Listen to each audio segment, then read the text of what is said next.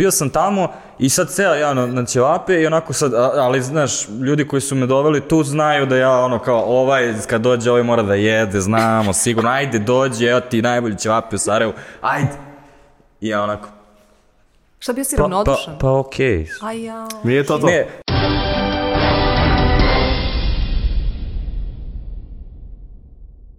Dobrodošli nazad u Storage Time podcast.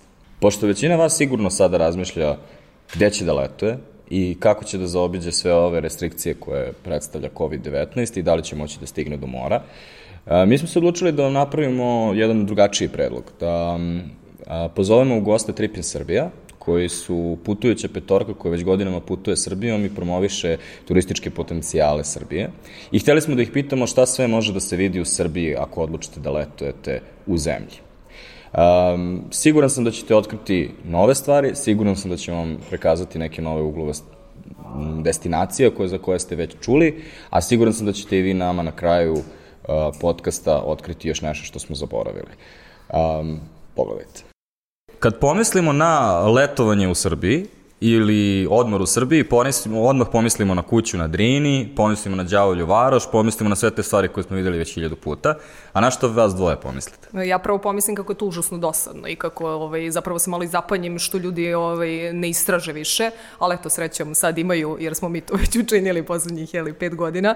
Tako da ja uvek volim da kažem kao dajte ljudi, istok Srbije je genijalan, stara planina je sjajna, opet ograđujem se ako neko ne voli da, da pešači i nema te afinitete, onda možda to i nije najbolje rešenje za, za takve ljude, ali oni koji vole, obavezno stara planina, tako da, evo, Maki prvi možda se ne složi, on evo sad... Ne znam čemu pričaš, ne, ko ide, zašto ljudi, nešto tako, ma, ne. Pa ne, ja mislim letovanje, ajde ok da, da razgraničimo taj koncept letovanja, znači mi Srbi, ovaj, Balkanci vezujemo letovanje za neko kupanje, ali neko sunčanje. Ajde da stavimo sunčanje, to možemo da radimo gde i na krovu zgrade, a ajde ako je do kupanja, šta imamo u Srbiji, Evo, baš prema što sam došao ovde, to me jako intrigiralo, onda sam ušao na Booking i opalio onaj filter ovaj, sa bazenom, jeli, smeštaj, pa sam našao da ima negde 700 smeštaj, na Ima, ja mogu da potvrdim 24 strane na Bookingu, ja lično da, juče proverila. Znači imamo, ajde, 700 smeštaja sa nek, nekom vrstom bazena, ok, nije olimpijski, slažem se, ali eto, kupanje pa onda na to nabacimo jezera, da sigurno ima barem 10 kupačkih jezera u Srbiji, a ima ih više ovih malih skrivenih u kojima ovaj, možete vidjeti na našem sajtu, jeli?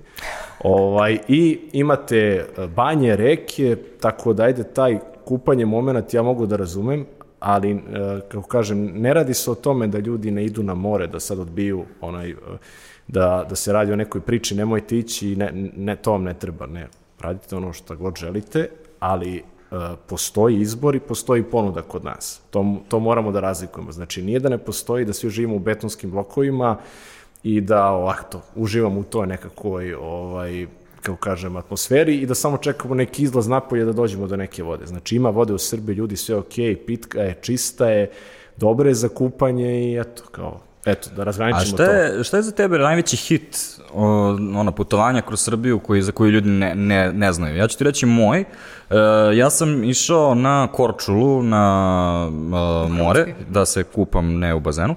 Ove, ali sam tada prolazio kroz uh, Hercegovinu, u stvari prvi put, i uh, ja sam takođe imao sličan road trip kroz Irsku, na primer, i kao iznenadio sam se koliko je Hercegovina prelepa i kao kada prolaziš tim putem koliko je on, ono, koliko je krajolik lep.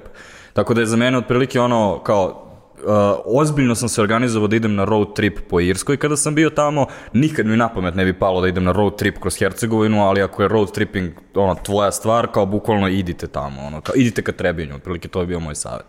Pa ne, vidi, to je činjenica, jednostavno ljudi samo se da plaše da krenu. To, to je naš isti osjećaj, veruj mi, sa istočnom Srbijom. Ako, ako odeš, ovaj, mislim da ćeš imati još bolji trip ovaj, u istočnoj Srbiji, jer je tako divljana, istražena, a, puna reka vodopada, vidikovaca, stare planine, pa gore kreneš prema Boru, Majdanpeku, Negotinu, do, stiđeš do Pivnica i tako dalje. Sad, izbacit ćemo mi još ovaj, hiljadu primjera toko emisije, Ali upravo je to, ljudi jednostavno žive u tom nekom staklenom zvonu, misle da se ovde ništa ne dešava, da ovde priroda ništa nije učinila, nego eto, tako mi nešto životarimo, čekamo našu kartu za ovaj preko grane, radimo sve apsolutno organizacijono, bilo da idemo na Nepal, Vijetnam, Meksiko, a nećemo ispred kuće da izađemo. Znaš, to je ono po meni ne, nema nekog uporišta, jednostavno u realnom ono... Ma, nema nikog uporišta, ja moram kako bih rekla, budem oštrija, mislim da se mi ovde čak i borimo s tim nekim predrasudama i stalno se nešto kao vraćamo na nekakve godine kad nam je bilo teško, mi nismo putovali nigde ili ne znam šta se dešava, ja definitivno mislim da su to izgovori. Dakle, ono što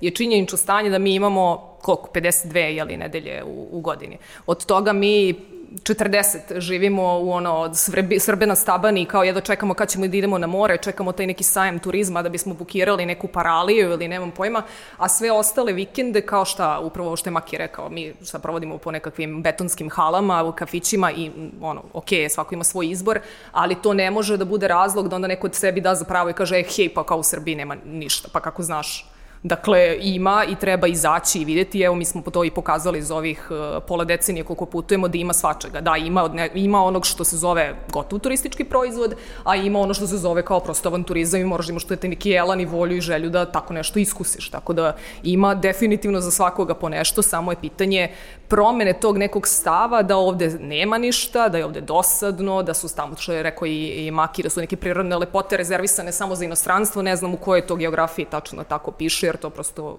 de facto nije istina. I bitno je šta tražite, znaš, ovaj, ja razumem, ne možemo mi da poredimo arhitektonski, na primjer, Beograd i Paris, ne možemo po kulturnom nasledđu da poredimo Rim i Beograd.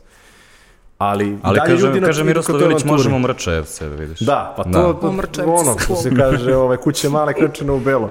A svaka zemlja ima nešto specifično što nudi. Ja mislim da je ono, naša zemlja po pitanju prirode nije dobila krivi deo, ovaj, što se kaže, od Boga i same prirode. Ovaj, ali mi jednostavno uvek pribegavamo tome, sad kad se promenio taj turizam koji je nekad bio masovni e, da se ide ili u neke gradove, ovaj, da se obilaze neki gradovi Evrope, svet i tako dalje i da se ide na neko egzotično more, sad ljudi traže tu avanturu, traže tu prirodu, traže taj neki hiking, e, skijanje, ne znam, neke onako malo ekstremnije sportove i opet, kažem, ljudi tvrdimo, činjenice su tu, znači mi imamo, ne znam, 700-800 objava koliko imamo na, na Instagramu, od toga je prirodi posvećeno jedno 600 i sve je to u Srbiji. I to je sve pristupačno, mislim, pristupačno u smislu a, našem odlasku tamo da ne, ne škodi mnogo našem džepu. Naravno, nemamo mi idealne puteve, neće vas autoput voditi tome, ali koja bi to bila onda i fora da imate sve na pisti, da do Vidikovca dođete asfaltiranim putem, se popnete 20 metara da kažete, evo nas Vidikovcu, ne. Pa da, i na kraju kada odeš ono, bilo gde napolju, ovaj, ako zaista želiš da opet vidiš nešto fascinantno, Ove, tipa kad sam bio u, u Vijetnamu na, u Danangu, kao da bi video taj vidikovac, ti opet moraš da zapečeš negde uz neki put koji je Bog zaboravio i da skreneš Tako i da je. ideš kroz rupe i da se bojiš da ćeš pasti sa motora i tek onda možeš da vidiš Tako prelep je. vodopad koji, ono, Pa apsolutno, to ja isto mogu da potvrdim, ja sam bila u Omanu, ista je stvar. Dakle, ako želiš nešto da vidiš što je interesantno i kao tako zanimljivo, instagramično ili kao, koji god već da je kategorija, dakle onda malo daš sebi ovaj, E, to mi je pravo bilo da odlično na vašem sajtu, napravili ste, znači, uh, vodič, ono, pet dokaza da je moguće napraviti dobru Instagram fotku i u Srbiji. Jeste. Imali ste pet na instagramskih mesta. Pa neophodno je, znaš, moraš da pratiš trendove, jer je nekako, uh, kao, ok, može da imaš nekakvo mišljenje i o društvenim mrežama i ostalo, ali dakle, što god da radiš u životu, ne možeš da budeš slep i gluv na neke, nekakve trendove koji se dešavaju, tako ni mi isto, ako treba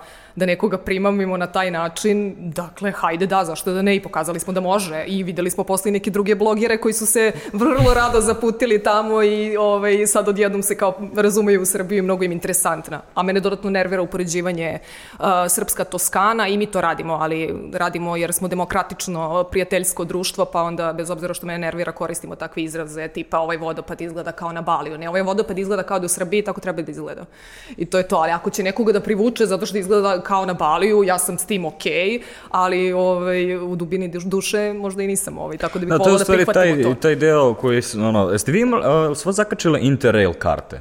Ne. Kao, Da, ja ih se sjećam, da, da. Da, to je bilo ono kao, ideš da, sa- kad sam ja bio srazno srednja škola, Mhm. kada nabaviš Interrail kartu, onda si uspeo u životu, onda kao ideš svugde po Evropi, u stvari ideš u voz i sediš u limenom vozu kao dve nedelje i kao onako klak, klak, klak, to ti je Orient Express To je ovog romantično, dana. šta bukvalno Orient Express. A ne, dobro mi je fora, znaš, kao u Srpskoj, to, kao kažu ljudi, napišu kao da sam u Toskani, a nikad nisi bio u Toskani. Onda mi je to ono, onako nekako top, znaš, kao, Ne, okej video sam na slici, ma ne, super, Ne, više ali kažem da moraš, je- kad da neko sam- iskustvo govoriš, valjda ti upoređaš na osnovu nečeg što si video i što si bio, a ja sam ubeđen doživeo, 80%. Da, 80% je njih u fazonu a, kao u Toskani, kao u Parizu, A setite se one kampanje, mnogo je važno, šampanja. bili su oni billboardi po gradu kada je kao o, za Manasiju, nije ovo u Engleskoj, nego je kao Jeste, u Srbiji. da. Ok, imamo taj moment i naravno treba budemo deo sveta, nego samo hoću da kažem, hajde ono, prihvatite da je to lepo zato što je to što malo pre što si rekao, nije kao to, ne znam, neka skrajnuta priroda, ne znam gde i ne znam čega, nego čekaj bre, to je naš neki ono prostor u kome mi obitavamo i živimo, dakle da razjasnimo jednu stvar, nije, ne, ne gledamo kroz politizaciju kao države u tom smislu, nego kao volim ovaj prostor, hoću da ga upoznam i to, i to je to, pošto se mi susrećemo i sa tim, jeli? Da, Tako sa, da- sa raznih... A šta je ono, kada bismo uzeli kao, šta ljudi uzimaju kao vrednosti toga da, da putuju napolju? Pošto složili smo se svi da putujemo manje nego drugi narodi kao Da. onako po svojoj ono, zemlji. Neki dojam taj, da. A, čak i postoje neki podaci kao zvanični u smislu koliko, koliko novca od turizma završi u zemlji, Jest. van zemlje. Mi smo tu negde pri, među zemljama koje su lošije po tom skoru. Ali kao ljudi često kažu, ok, želim da upoznam novu kulturu kada izađem napolje. I sad ono što je meni e, u stvari zaključak bio je e, kao neko ko je ono, se rodio na Novom Beogradu, preselio se dve zgrade dalje, nikad nije izašao iz bloka 45. Kao, ja kad odem bilo gde u Srbiji, ja zaista doživim novu kulturu. I kao mnogo čak i akutnije nego kad odem u neki evropski grad, jer u evropskom gradu sam turista. I kao ne mogu da, Da. budem nikad ništa drugo osim turiste. I ja sam onaj ono, debil sa mapom koji je u fazonu, ono, ima veliki crveni znak iznad svoje glave koji kaže vidi me. Ali kao kad odem u neko manje mesto u Srbiji, ja zaista mogu da popričam sa nekim ljudima koji, ono, koji će se otvoriti prema meni, a opet ću vidjeti kao koliko različito žive, recimo, nego ljudi u bloku 45. Ma to je apsolutna neminovnost. Prvo ovo što sad mi simpatično ovo kad kažeš kao onda se ispričam. Ja se sećam evo opet se ja vraćam na ovu staru planinu. Sećaš se Maki kad smo bili sreli Baka Granu i kad nas je Da, povela gospođa polja, od da. 80 godina sa mužem, oni i dalje čuvaju ovce na, na bože kakvim, ne znam, visoravnima. Jedno smo mi prepešačili, onako smo se međusobno gledali u fazonu kao bože, da li da se žalim, da ne mogu više da hodam, ova žena od 80 godina piče i uzbredo. Ona je uh, govorila, do, ali ona je govorila doslovno uh, za mene nerazumljivim jezikom. Sećaš se da sam snimala i sve vreme sam bila kao, čekaj, jel ona sad spomenula Vuka, na kom je ovo jeziku? Jer oni prosto imaju taj neki dijalekat dole koji se meša sa, ne znam, i sa bugarskim. I, tako da smo bile, evo, nije da kao odeš i samo u inostranstvu, to što si rekao, sretneš neke druge kulture, nego ti u sobstvenoj zemlji naučiš mnogo toga drugo, jer nismo mi homogeni, mislim, nijedna država na taj, ne znam, možda osim Danske, nije homogena na taj način i onda prosto naučiš gomilu nekih stvari i o sebi prevashodno, a mislim da je to važno i da i svi se kao busamo da kao putujemo u inostranstvo baš zbog toga, jer kao spoznaš sebe, spoznaš svet, pa kao što je to isključeno za prostor u kome živiš, zato što ne, ne znaš kako je stvarno u istočnoj Srbiji, jer je potpuno diametralno od onog, na primjer, kako je u zapadnoj, a da ne govorimo u južnoj. Tako da u tom smislu nisu ta znanja rezervisana samo za ovaj, pasoš. A da li ste vi primetili da ljudi imaju, um, da ono, postoji jedan trenutak kada dođeš do ove realizacije. Ja sam baš ukačio da ljudi recimo kada krenu da rade, uzmu svoj auto, kao tad im se upali lampica u fazonu, tipa meni se upala lampica, ja nikad nisam bio u Sarajevu. Ovaj, do pre 5-6 godina. Isto I bio sam u ja. fazonu, bože, koja sramota. Kao nikad, znači kao bio si ono, na drugoj kraju, kraju zemaljske kugle, ali nisi otišao u Sarajevo, kao seljačina. Ove, e, I onda Um, kao, der, der, mislim da kao postoji trenutak kada se ljudi probude i kada zaista aktivno krenu da rade upravo ovo što ste vi krenuli da rade. Odnosno, znam par, par mojih prijatelja koji su zaređali turu po Srbiji i onda kao imaš taj, ono, želim da otkrivam Srbiju sada. Kao neki kontra sabbatical, kao, da, Da, li da. se- mislite da se to dešava? Ono? Pa dešava se, valjda su ljudi, e, ja kažem, ajde sad vraćamo na tu neku realnu priču u našoj zemlji. 90-ih se slabo putovalo sem na neke fore i na moranja, pa smo ono konačno dobili te, taj Beli Schengen, ono, krajem, jeli, kad beše 2008. 9. 2008, Ja da. razumem tu potrebu, ljudi su bili ženi otvorenosti putovanja, malo da vide svet, jer do tad je bila muka, sem ko je studirao, on je išao, pa je imao neke varijante, ili su imućni mogli malo da idu više, a ovaj, da kažeš, ovaj srednji, običan narod, nije baš mogao bez da se nešto izlomi i da jedva ode, ono, da stigne do, da stigne do Graca i da bude, to je Evropa, tu sam, Budimpešta eventualno. I sad ja mislim da je konačno prošlo eto vreme, već deseta godina smo mi, nazovi, jeli, slobodni, putujemo po svetu, Evropi, u veliki broj država, e, sad je to i dostupnije nego što je bilo i ok, napravljen je jedan krug i jednostavno možda je došlo to vreme da ljudi sad malo sednu i kažu, ok, svo vreme ne, svo vreme ne vidimo ovaj, šumu od drveta, sad je vreme malo da izađemo i da shvatimo šta su prave vrednosti. Ono što kaže Tanja, ok, 52 vikenda ljudi godišnje, ovaj, uh, znači preko 50 vikenda godišnje, oduzmi od toga 15, 20, nema veze, ostaće ti pola, pokreni se, znaš, izađi malo da vidiš da se ovde nešto dešava, da ovo nije toliko mala država, da jednostavno ima nekih svojih čari, ovaj, počevši od predela, preko hrane, pa da li ćeš zimovanje, da li ćeš letovanje, znači sve ti možda popuniš, a onda taj kulturološki aspekt da malo upoznaš da mi nismo, ako su nas, jeli, ovaj, i ti mediji uvek čeračili da nikakvu različitost mi ne poštujemo i da jednostavno to ne znamo, nismo svesni da, to, da možemo spoznamo jednostavno uniformi smo, mi mislimo ovako i to je to. Kad nije to istina, jednostavno ljudi, ljudi žive na svim krajima Srbije, neki svi govore srpskim jezikom neko, ili nekom ovaj, varijantu srpskom jezika sa ovim ili onim dijalektom, a svi smo mi ljudi na kraju krajeva i kao to je to. I kad ti to sve prođeš i kad vidiš, ja mislim da tek onda ti spoznaješ tu moć te različitosti, tek ćeš više onda poštovati i druge kulture, ali najpre svoju. I, kao kažem, i naciju, i, ovaj, e, i građane, i ljude koji su na selu, i jednostavno da napriš jednu kompletnu sliku. Tako da ja se nadam, mi se nadamo da je taj period došao i vidimo neke pozitivne obrise toga, znaš, mi smo počeli pre pet godina i to stvarno smo bili, o, mi stvarno sebi kažemo tu kraticu, nije to ono marketinški prvi jedini domaći blog posvećen turizmu kao putujuća petorka, odnosno promovisanju turističkih potencijala.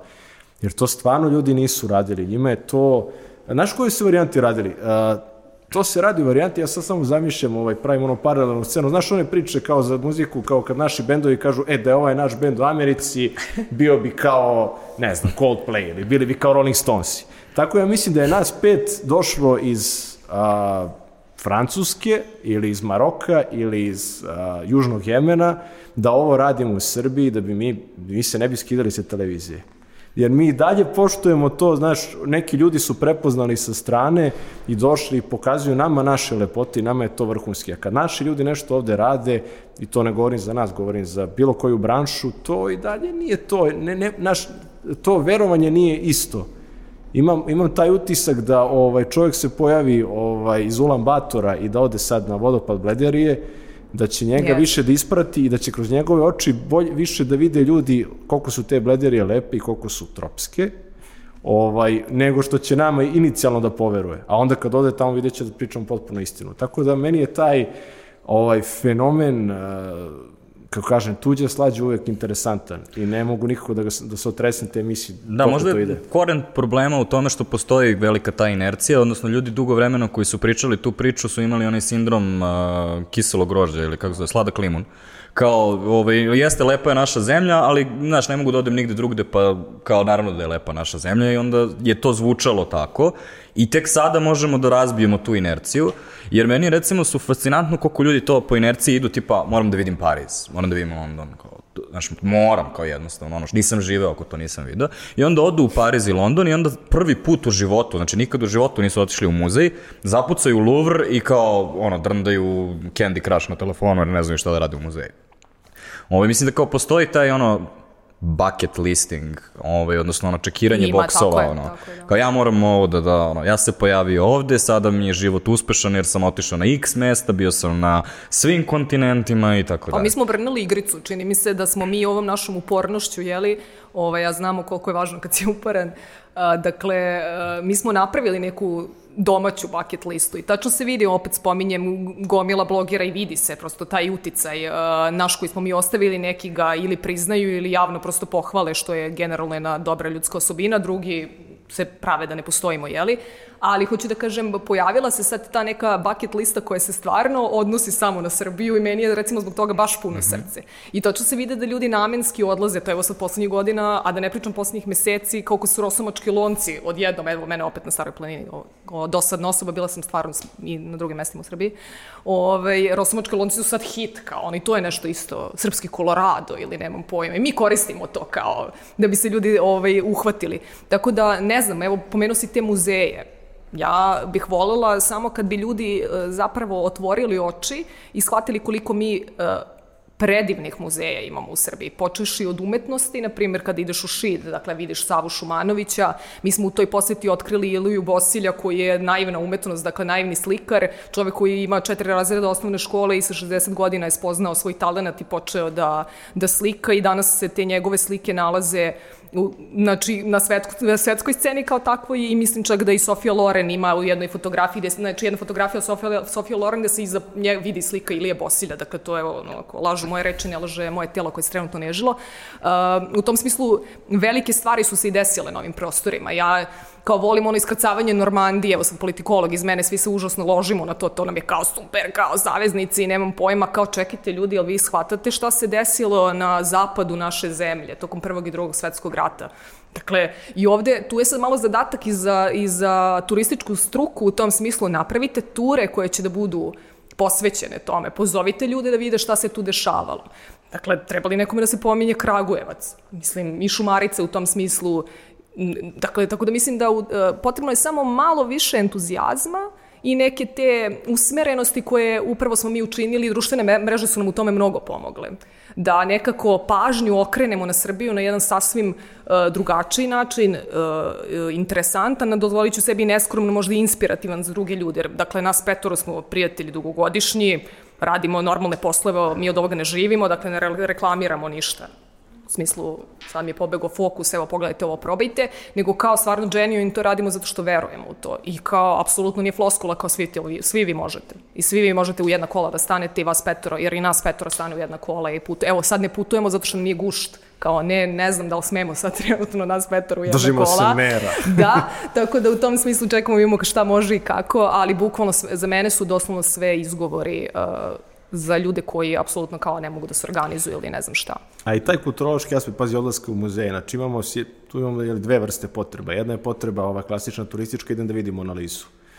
da. Šta ja znam o analizi, kojom to tehnikom slikano, pa dobro, čuo sam da je to Da Vinci, pa šta je taj Da Vinci još radio, možda nam pravio neke avione. Interesantno je ovako, znam dve rečenice, slikaću se po analize moje, što kaže bucket list ispuljen a sa druge strane imaš tu neku normalnu, kako kažem, obrazovnu potrebu da uđeš u neki muzej, spoznaš nečiju kulturu, ovako ili onako bila i da malo, što kaže, porazmisliš o svemu tome i da porazmisliš dalje o ljudskoj istoriji, o nauci i tehnici i tako dalje. A nama, ja mislim, još uvijek mnogo fali te kulture i meni je drago što postoje te manifestacije kao kad su onaj uveče otvoreni muzeji jednogodišnji i tako dalje, ne samo u Beorodu, ja mislim da sad ima u drugim gradovima, hvala Bogu.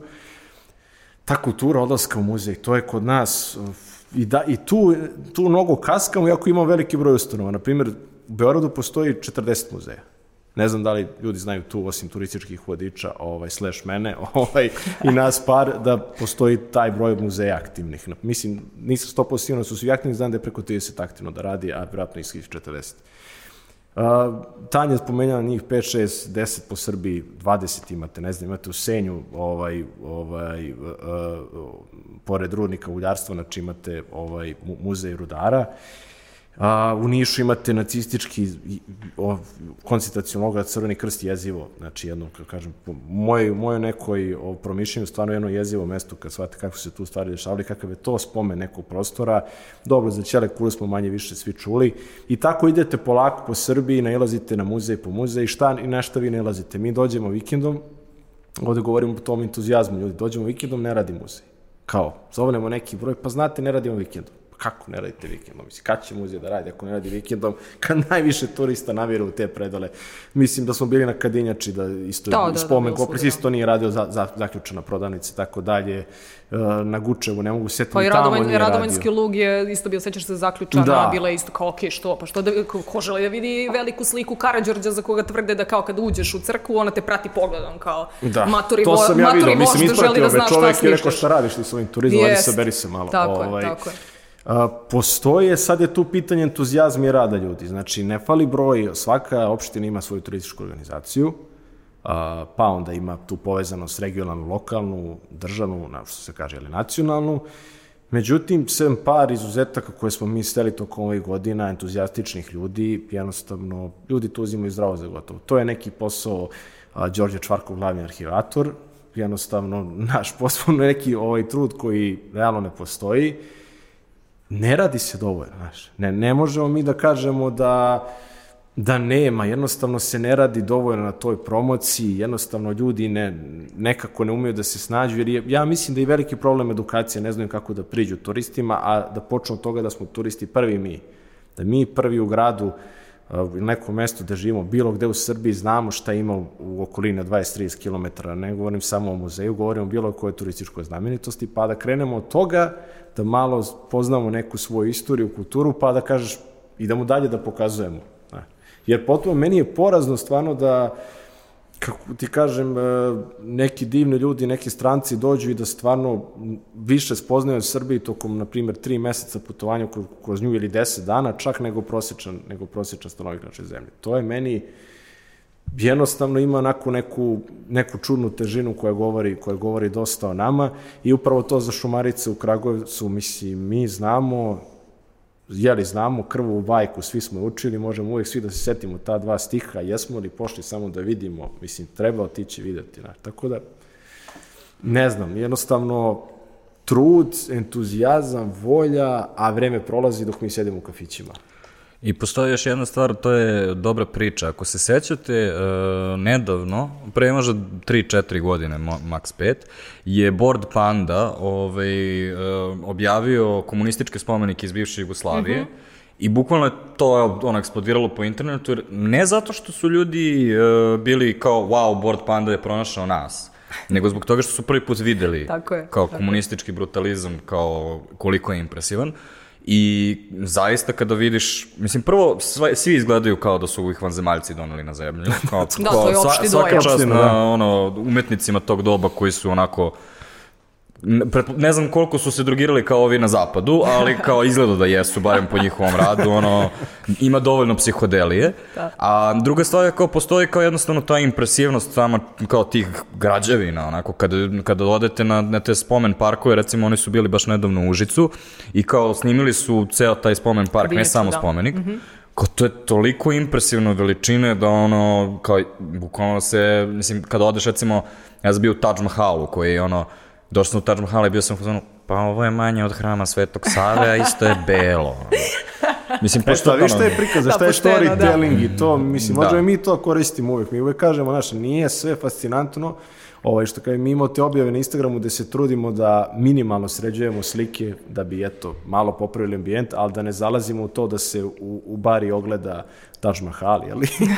ovaj, nego da imamo tu neku, ali opet da privučemo turiste da vide u neko specijalno doba godine i tako dalje, kad su neki dobri sunčevi zraci, kad je neka lepa atmosfera na slici koja može da se vidi, a da se naj, najvažnije osjeti.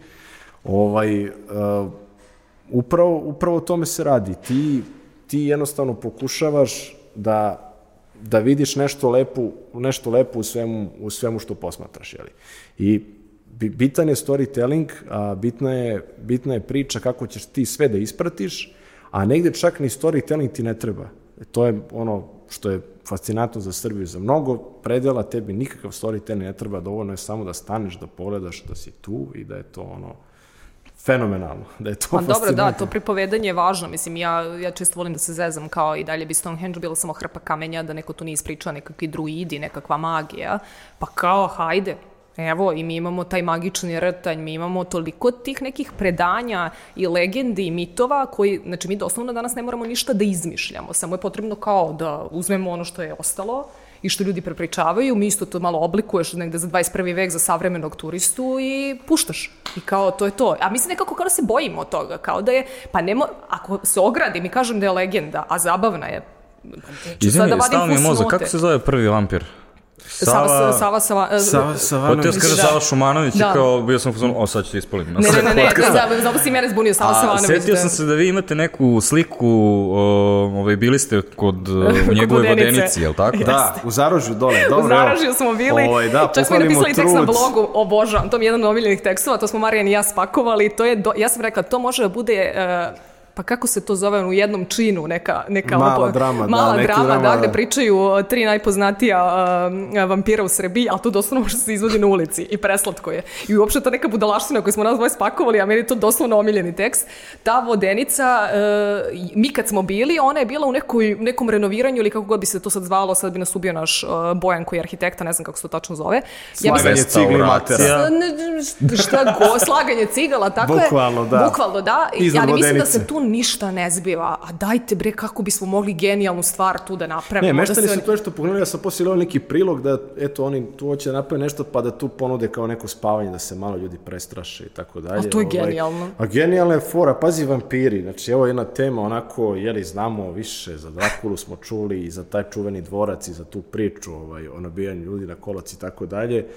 Ovaj, koliko je vampira ovaj, u Srbiji bilo, koliko su ovaj, dolazili, pa su ih istr... Austrijanci istraživali, pa piše Pa za Milan Blagojevića. Glišić, Pa da, za Blagojevića, Da. vratio se čovjek, pa ovaj Arnaut, jeli, bio, Jeste. bio vojnik turski, ujeo ga vampirom, došao tu, ovaj, napadao ljude, pa im ostavlja opanke po kućama, pa ga ima, pa ga Ali nema. ovo više pa... vampira, to je genijalno. Ima, je, da, ima kao- trojice, četvorcima jedna žena isto, ovaj, Jeste, kako se e, sa zvala. Dunava, ona ih kao nešto mamila, brutalna je riba i onda kao, ćao. Jeste, da, to je onda to. zdravo prijatelji. Da, pa Jeste. su mi napravili to kao ovaj, tri, ovaj, tu malu kao pričicu kako, ovaj, kako tri vampira u današnje vreme mogu da žive u Srbiji. Nikako, kažu. Evo, kod našeg, idemo malo kod Vlaga, idemo malo kod Vlada Drakule, kod njega biznis baš pič. Ja jebi ga, kod nas su bili sarkastični, koji ume da pročita između redova, vidi se da jasno pošaljemo poruku uh, i nadležnim institucijama i kroz, kroz taj jedan, uh, kako bi se to reklo, dijalog tih ovaj, vampira. Tako da Što ima... ne bi iskoristili konačno tu autentičnu srpsku reč vampir? Šta je tu sad tako teško, tako, ja uvijek imam,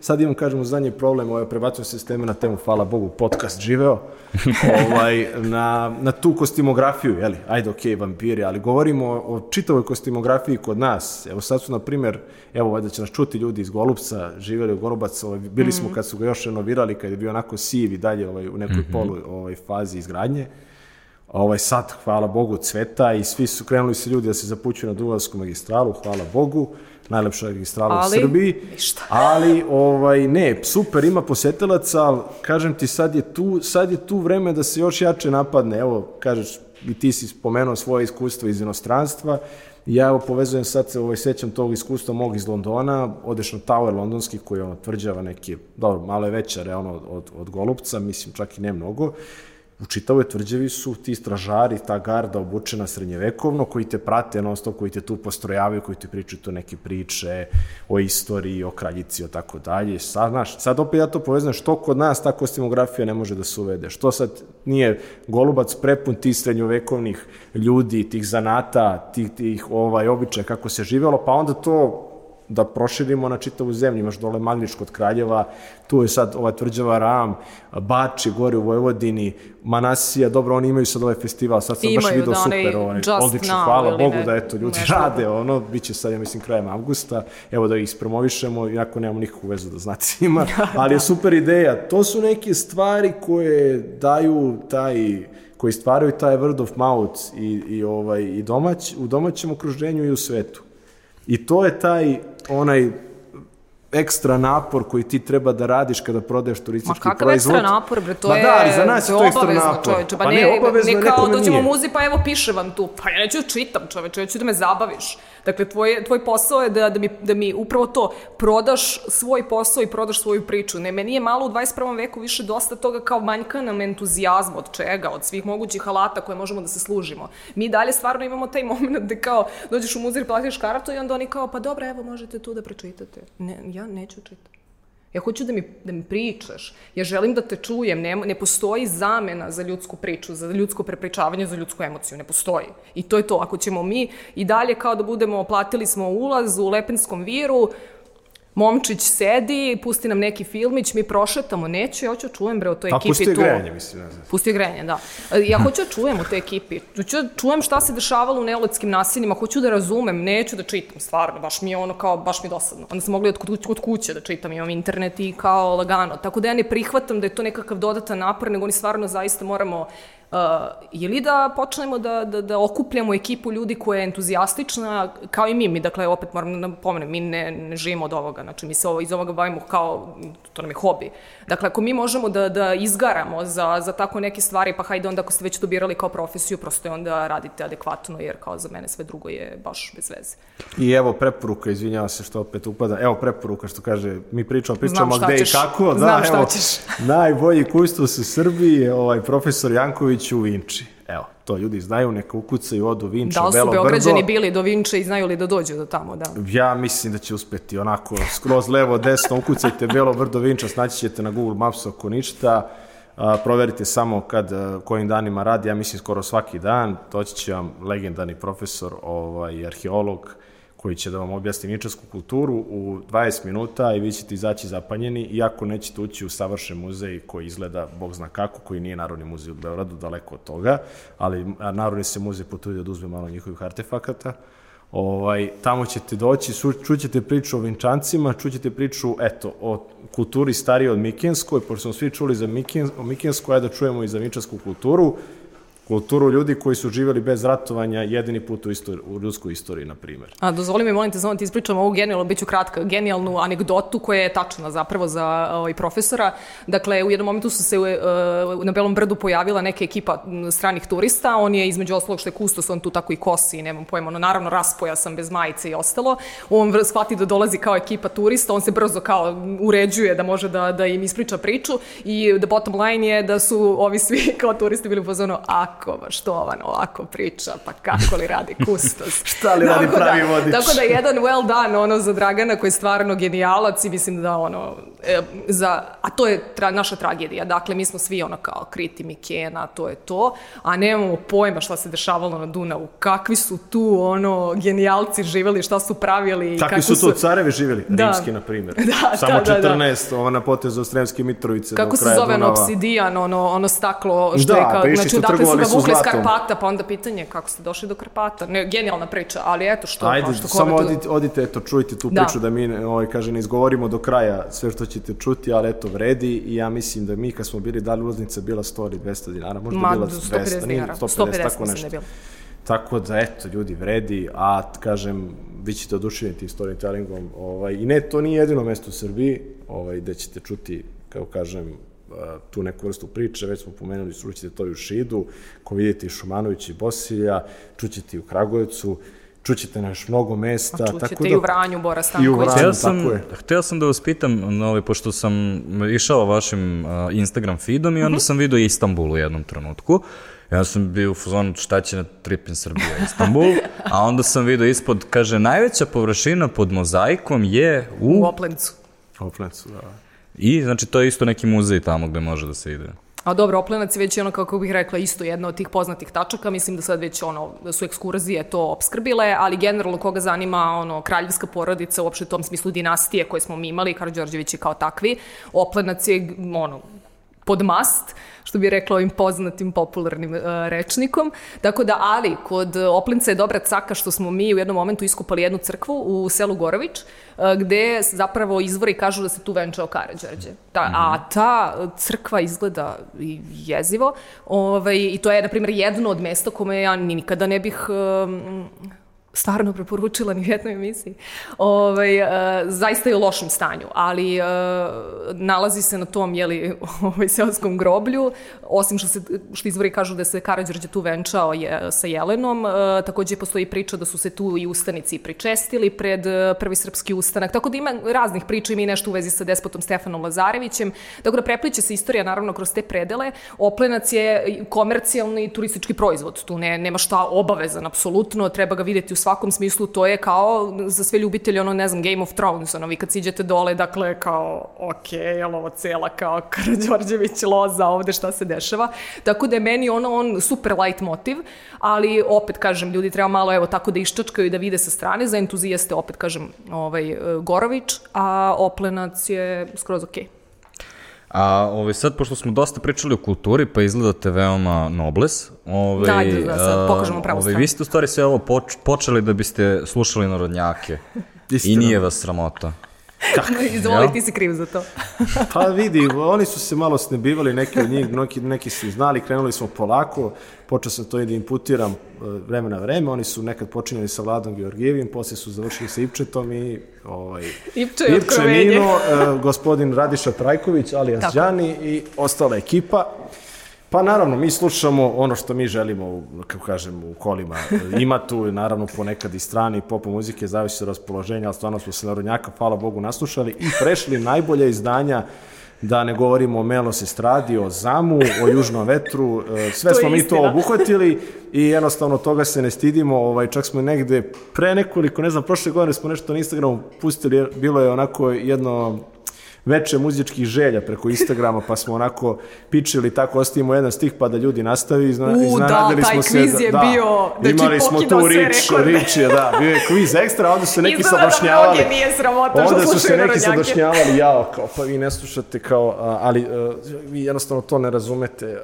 a, Znate, žao mi je, ali mislim- and Clearwater, kao nije to to, znaš, i postoji jednostavno a, neka distanca od vas, zato što ste vi malo seljaci, a ja kao, Ja reku, a ja kad sad ono raz- razmišljam kao osobu, ajde dođi da se ne samo pričamo o stranoj muzici, da malo proverimo znanje moje i tvoje, pa da vidimo gde smo ja i ti i tako dalje. Da, ali mislim da nećeš izbeći kontroverzu zato što smo mi u jednom podcastu pričali o cecinim pesmama i uh, bukvalno smo imali ne, neverovatan hejt ispod, tako da ovaj, ne verujem da ćete i vi proći dobro. Neka ide. Ali, Neka uh, ide. ovo je sve bio u stvari jedan segve i da se vratimo ovaj, malo u, Balkan Info ovaj, mod, odnosno ja u Tešu Tešanovića. Okej, kako mi da sednemo Hteo sam sad? da vas pitam za bizarne momente i da mi ispričate za uh, sveca sa konjskom glavom. Aha. Pa, istorijski se to desilo negde sa početka hrišćanstva, kada je a, mladi čovjek po imenu Hristifor hodao zemljom sa konjskom glavom. Ovaj, pa dobro, legenda, ovaj, jednog hrišćanskih legenda, nisu to jedine, to je neobična freska u manastiru Sukovo pokraj Pirota, nije jedna jedina opet neobična freska u Srbiji, hvala Bogu. A, Mislim, da, ovo, po ovo je meni priči- delovalo baš neobično. Baš Zato što- Ćelovog obično. Isusa, Pa ne možda je, da da. Da. Imamo ćelovog Isusa. Ne, Da. to nisam znao. To je Ove, ali bilo mi je jako interesantno zato što mi je, baš mi je zvučalo onako Dan Brownovski, mm. ove, kad, sam, kad sam pogledao prvi put, a nikad nisam video da se takve stvari dešavaju u vizantijskom kanonu. U smislu, kao video sam kao freske koje su kao ono, Danteov Inferno i tako dalje, pa se tu ono, pojavljaju razni čudni likovi, ali ovde je kao baš u vizantijskom kanonu kao freska i čovek sa konjskom glavom, jel? Pa vidi, jedinstvena je freska u Srbiji, ne znam, na području Evrope, vratno nije, pošto i to, e, kažem, jedan, jedan doseg vizantijske škole na tom prostoru, to je taj ovaj, po, područje, ovaj, kako kažem, Var, Vardarske doline, pa se prostiramo prema Srbiji kad je to srednjovekovno slikarstvo imalo ovaj, bum na ovim prostorima. A po Hristiforu ti je ta legenda da je to bio čovjek koji je bio prelep, bio je neki Apolon onako za žene i onda je više, žene su ga stalno ono, basipale kao Sašu Popovića i jednostavno on je samo rekao Bože daj više ne mogu bre čoveče, Bog, znaš ono kao ko je, ko je gledao od ovih mlađih, ovaj, hajde da se volimo Lepa Brena i Bale, pa kad ga jure one sve žene, tako i on na to mislio. I ovaj, Bog mu je onda dao konjsku glavu, znaš, odnosno životinsku glavu da, da ga spasi te muke. Ovaj, to je jedna, jedna varijanta, druga verzija, kako se ja sjećam, jeste da je rođen tako, ovaj, da je tako rođen, da je tako živeo, da se bavio nekim teškim ovaj, telesnim radom i da je jednom, u jednom trenutku a, poveo neko dete preko, preko neke ovaj, vode i ovaj, kada je spustio dete, ukazao mu se Isus Hristi, ovaj, blagosilio ga i rekao, ti si već ovaj, napaćen, sad ću ja ti pomognem i tako dalje. Tako da ta freska je super, treba da odete da vidite, ovaj, što kaže Tanja, ima još mnogo zanimljivih fresaka, Ima kako imate ne, Bogorodicu. sa krilima, tako da, što je inače... sa krilima, isto jedna da. jedinstvena freska u našom fresku ovaj, Bogorodica se prosto na taj način ne prikazuje. Da, ima različitih ovaj, načina kako se prikazuje. Imate ćelavog Isusa, to je na staroj planini, ovaj, u selu Rsovci, koje je inače jako zanimljivo. To je najživlje selo. Eto, Volim ovaj, Rsovce. To je bio bizaran moment s jedne strane, kad pa ideš ti starom planinom, koja je onako sva divlja, ima tu puteva, nije, eto, kaže, toliko Nije ni okej. loše. Sad mi idemo, tražimo neke vodopade i ima ta crkvica u steni gde je ćelav Isus i prolazimo kroz to selo u, ovaj, u sred bela dana I da li je bio vikend, da li je bila neka ekstra atmosfera, svako dvorište piči neka muzika, naravno, hvala Bogu, tu je i Nino, tu je tu je ovaj ceca, tu ne znam ja, ovaj, ovaj neka uh, varijanta boj se bije, bije. Piči svakog, ono, svaki avlije piči neka muzika, ljudi se zabavljaju, onako je živo. Vidiš, stari, mladi sede tamo ispred. Onako, Ma ne, a jako je malo, ja ne znam. Malo je mesto, da, baš možda nema, ne znam, da, možda 30-40 kuća, možda, pojma, ne znam, da. sve ukupno, ali bilo je preživo i super. Bilo nam je interesantno, jer pre toga i posle toga divljina, nigde ništa, Svataš, jednostavno samo čekaš neki vuk da iskoči na i da te sam sačeka. A Tako da i to pravoslavlje, da se ubacim, uh, je interesantno zato što nekako uh, katoličanstvo samo po sebi se nekako već nametnula kao nekakav turistički proizvod, sad kako god ovo zvučalo, ali mi dakle imamo nekakve uh, ideje zašto odlazimo i obilazimo i njihova sveta mesta i ostalo, a negde sa pravoslavljem valjda i zbog uh, političke situacije ili kako god da sad ne ulazi ovaj politikolog da se umiri u meni, nismo ovaj, imali tu vrstu uh, prikazivanja svih lepota na taj način, jer pričamo i o slikarstvu, pričamo i nek... Znači, brojni manastiri u našoj zemlji su svedoci uh, vrlo važnih istorijskih događaja. Tako da, naravno, treba poštovati uh, mir svih tih ljudi koji su tu i uopšte ta sveta mesta kao takva, ali u principu oni kriju jako, jako, jako interesantne priče koje mogu da, da se ispričuju ili van prosto uh, njihovog dvorišta, što se kaže, da bismo izbegli uznemiravanje, ali da bismo stvarno mogli da, i što je Marijan pomenuo, i to vizantijsko slikarstvo koje se ovde dešavalo i ostalo, tako da u tom smislu ovaj, može bude vrlo interesantno neko ko je stručan i dovoljno umešan da to prenese na jedan dostojanstven način, da to može bude onako baš lepo. Takođe je potrebna spremnost, uh, što je na, na zapadu bilo daleko verovatnije, to je da, da pokažeš te stvari koje možda ne pripadaju kao sasvim, odnosno ova freska koja je kao totalno out of ono, ne, nema nikakvu, ono, ne pripada inače svemu tome.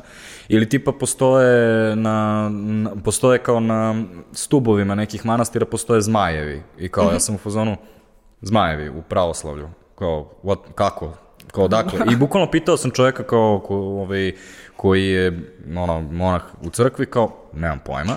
Um, ovaj, kad sam bio u Kovinu u manastiru, sam saznao da su templari prošli kao kovinskim, koviljeskim, sad sam, se- sad sam op, opet promešao, oni pored Novog Sada, to je Kovilj. Lj. Ja, da. Da, u Koviljskom manastiru su kao prošli tem- templari i ostavili na vrhu ovaj, oltara se vidi kao mm, zmija koja ide oko krsta i kao... a, Što je quite kao, strange, okej, čudno, kao, nisam znao da se to sve kao Aha. dešava u Srbiji. A si znao da je. Richard Lavlje srce reš, ovaj, lečio kostobolju u blizini Novog Miloševa kod Arače, tako da... Ali odlična ideja za biznis, kao ovaj, ono, kiropraktičar Richard Lavlje srce. kao. apsuru, Bukvalno apsolutno, na to. genijalno, Pa ne, genijalno. znaš ti, na primjer, da u Dečanima, ovaj, svetim imaš jedan deo freske gde su ljudi ubeđeni da se radi o, o NLO. E, ne, ali kada sam već kod NLO, to je u stvari bilo razlog zašto sam pomenuo Tešu.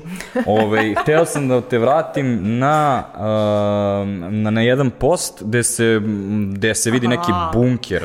Svemirski Kameni. program, počni maki.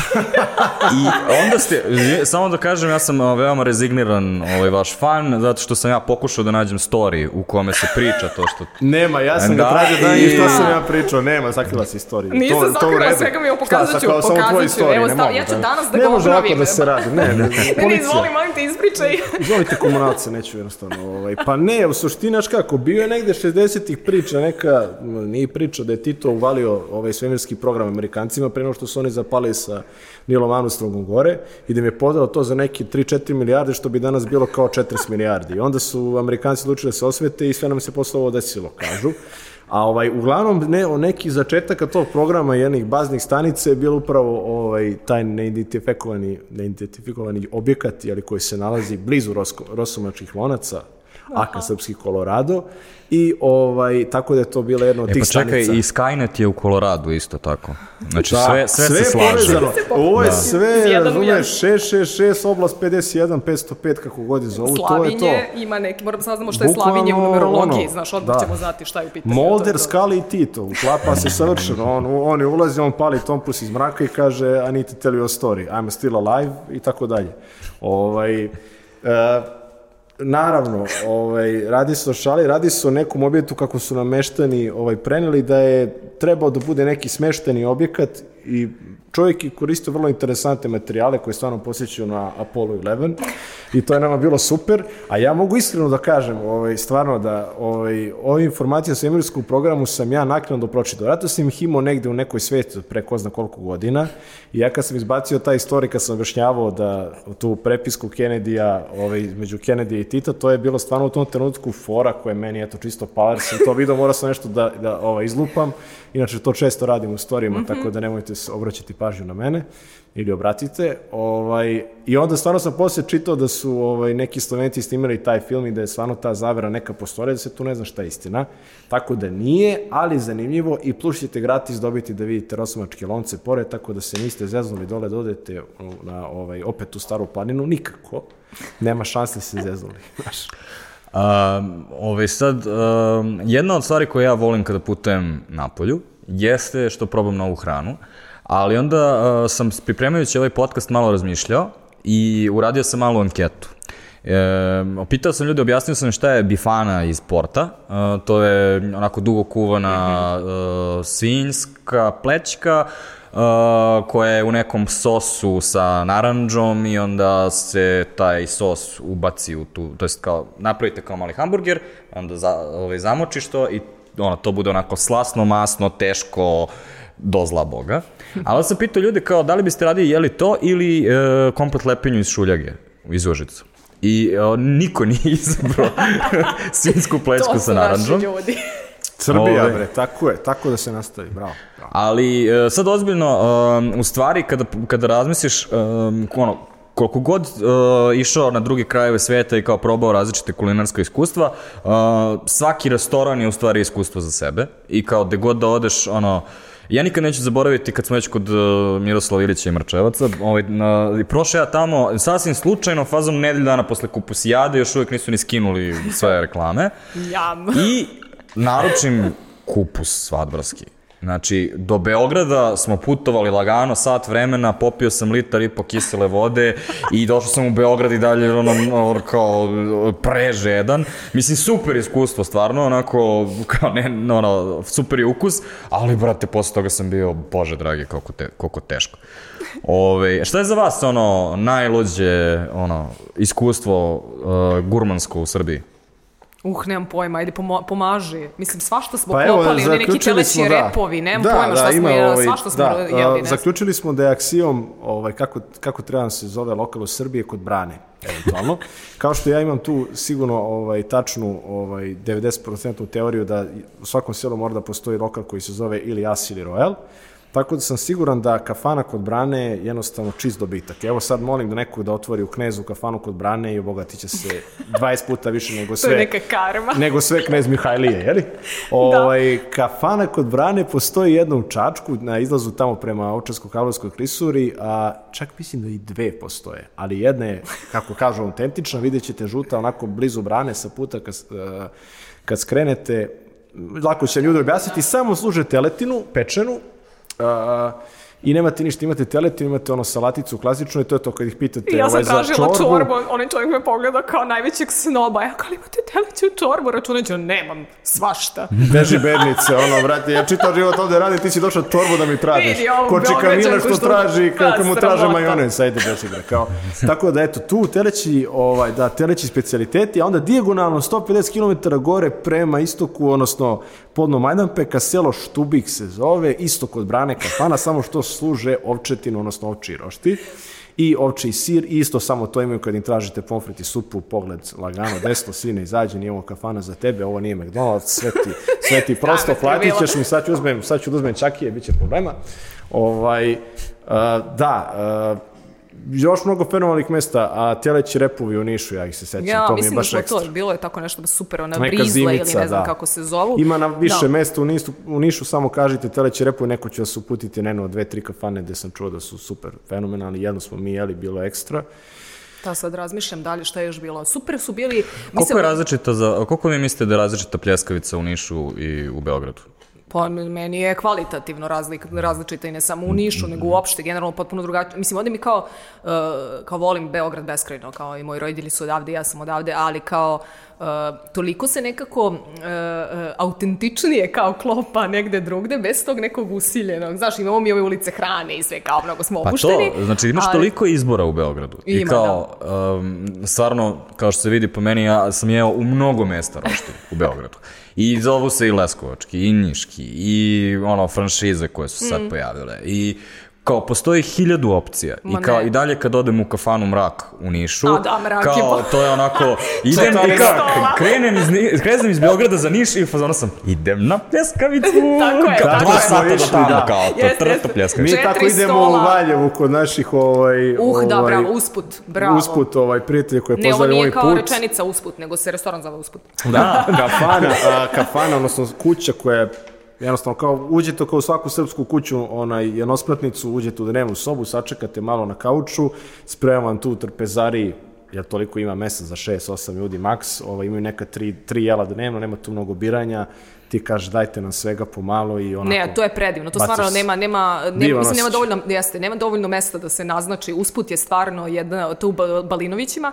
Dakle e, žena je genijalac, jedan sprema beskonačno ukusnu e, klopu, a kažem taj što kaže Maki ambijent kao da si ušao, mislim prvi put kad smo kročili tu sasvim slučajno, e, što je bilo pre pet godina, nekako smo bili kao, smo mi pogrešili, ušli smo nekome na gajbu, kao što se neko slobodno uđite. Znači, ambijent je stvarno super, super svima preporučujemo da ga stvarno se zove usput i baš je dobro. Da, Blizu to je roštilj, brana, da. dakle opet jedna instagramična fotka za sve te koji brine ako će, kako će se vrate, a da, Da. nemaju Instagram foto. Tako da, Robni brana, super. A i to za roštilj, znaš, stvarno drugačiji ukus, drugačije se meso koristi, pa ti sad kaže, evo ti si kao bio u Sarajevu, eto si probao ćevape, imaju neki ovaj, jedinstven ukus tamo.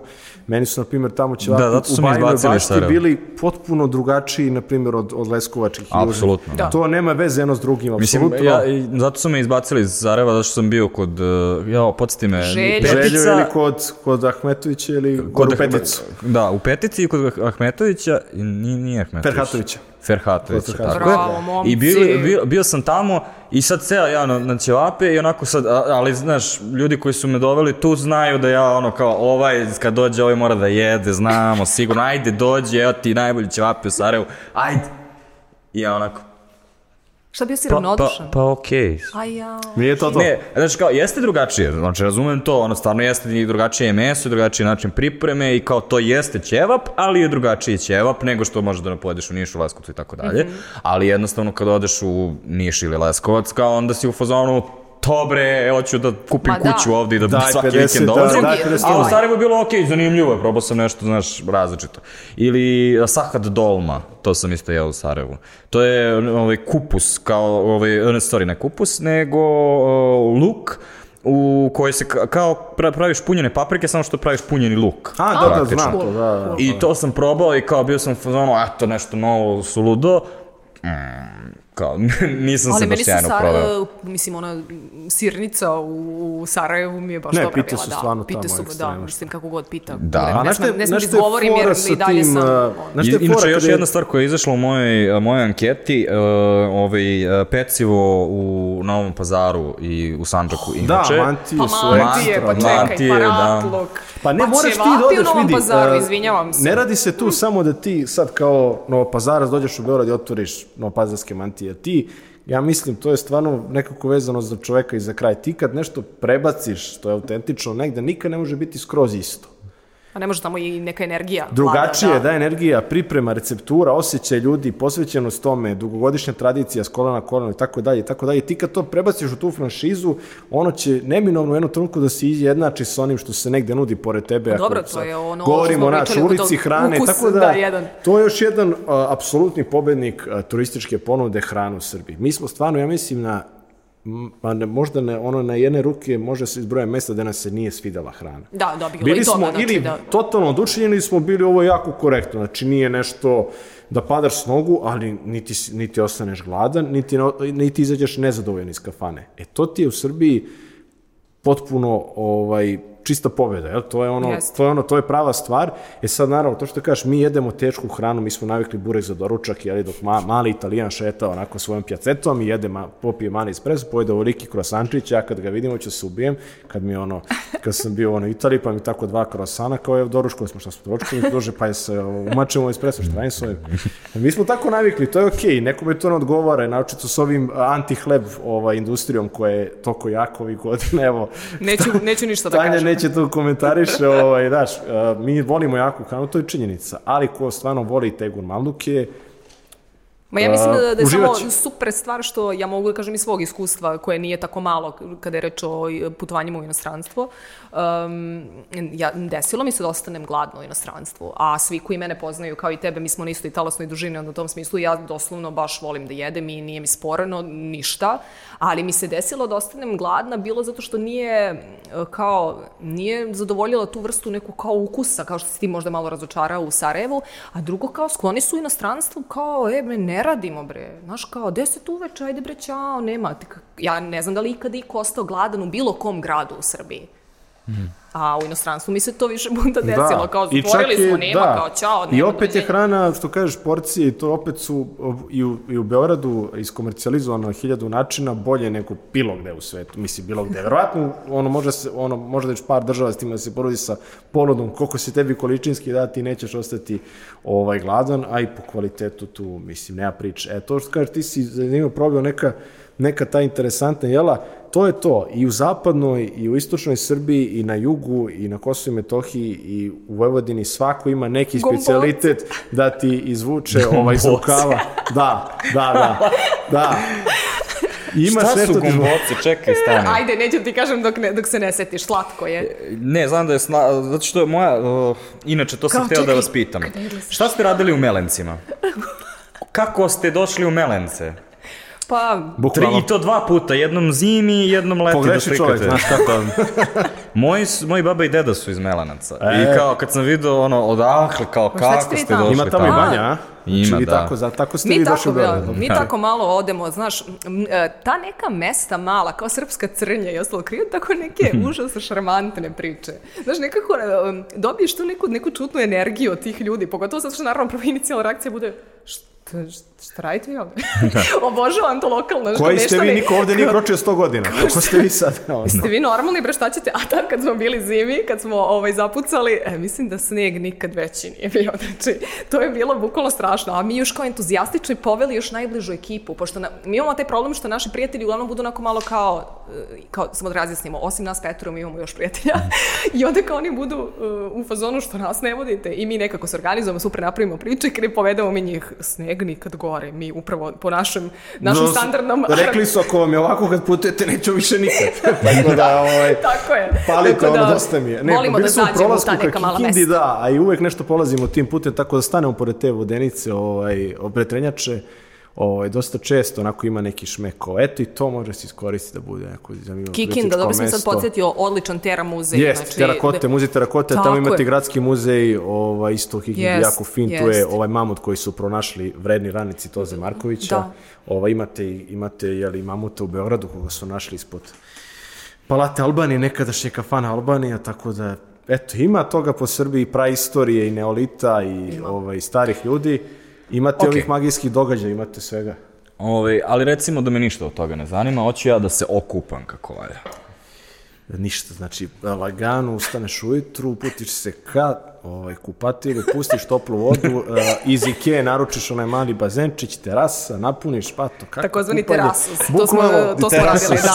Terasus smo, pravili smo hashtag teras, terasus na Instagramu, kao šta radite i kao šta se žalite sad za ovo karantinsko vreme, ali to je neka druga priča, izvoli. Da, ma ne, pa mislim, sad ozbiljno, ajde, pričali smo, kažem, pre, pred ovu emisiju, uh, ja sam baš, eto, hteo, kažem, mi letovanje uvek razmatramo u tom smislu sunčane i kupanje. Ajde, sunčanje je moguće u Srbiji, ovde po, povoljna klima, za to podcrnećemo svi ako sedimo na krovu zgrade duže od 3 sata.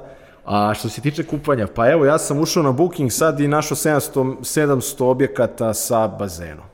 Ajde da to nisu olimpijski bazeni, znamo u kojoj veličini ih prave, ali eto što se tiče kupanja. Van toga, a, desetak jezera mogu iz glave da se setim da bar možete da se kupate, eto, što se kaže, to srebrno je više iskomercijalizovano i tako dalje, a imate i Vlasinsko gde može neki delo, imate Knić, imate uh, Markovac, ja mislim, kod Mladenovca. Imate Dunav Imate za početak. Dunav, tako je, da. Ima, da, jezera, kažem, a No. reke da ne spominjamo po Srbiji, a, od juga Ali do hajde istoka. da im damo neko, ono, konkretnije, ono, uh, kao mesto. Kao, vam je- Kladovo, Kladovo, plaž, more. Jegrička bara u Žablju, plaž, kupanje, sve je. sve full.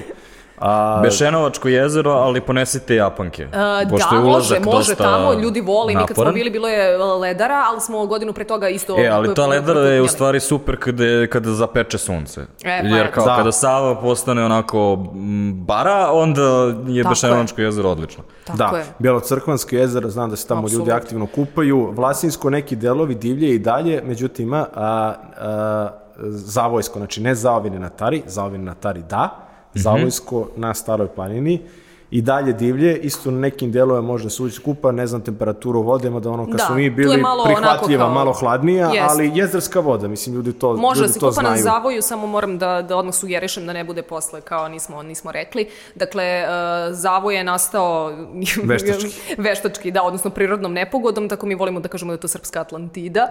Tako da, um, kod zavoja je, m, ipak treba biti oprezan u kupanju zato što se ispod na dnu na, zapravo nalaze kuće koje je potopila uh, reka, tako da u tom smislu uh, ljudi koji de, gde smo mi noćili imaju kao pedalinu i može tako da se zeza, ali u principu znači ako hoćete se kupati samo prosto budite pažljivi. Znači, opet biznis ideja ili snorkeling, ili Da. ona sa onim staklenim dnom Da, pedalina. da, da. Pa zato što na nekim delovima se zapravo vide kuće. To je inače jako tužna priča i mislim da je to bilo 63. tako da svi koji su u to doba bili ovaj, mladi ili bar dovoljno veliki da mogu da, da se sećaju, ozbiljna je bila e, prirodna nepogoda i vojska se tada jako potrudila da nešto učini, međutim potopljena su sela, tako da eto, mi sad gledamo u jedan prelepi ambijent koji zapravo krije jednu jako, jako tužnu priču jer su ljudi ostali bez domova. Znači ne prema sredini, zakačit ćete nečiji krov nogicom dole, znači vrati se 10 metara, 15.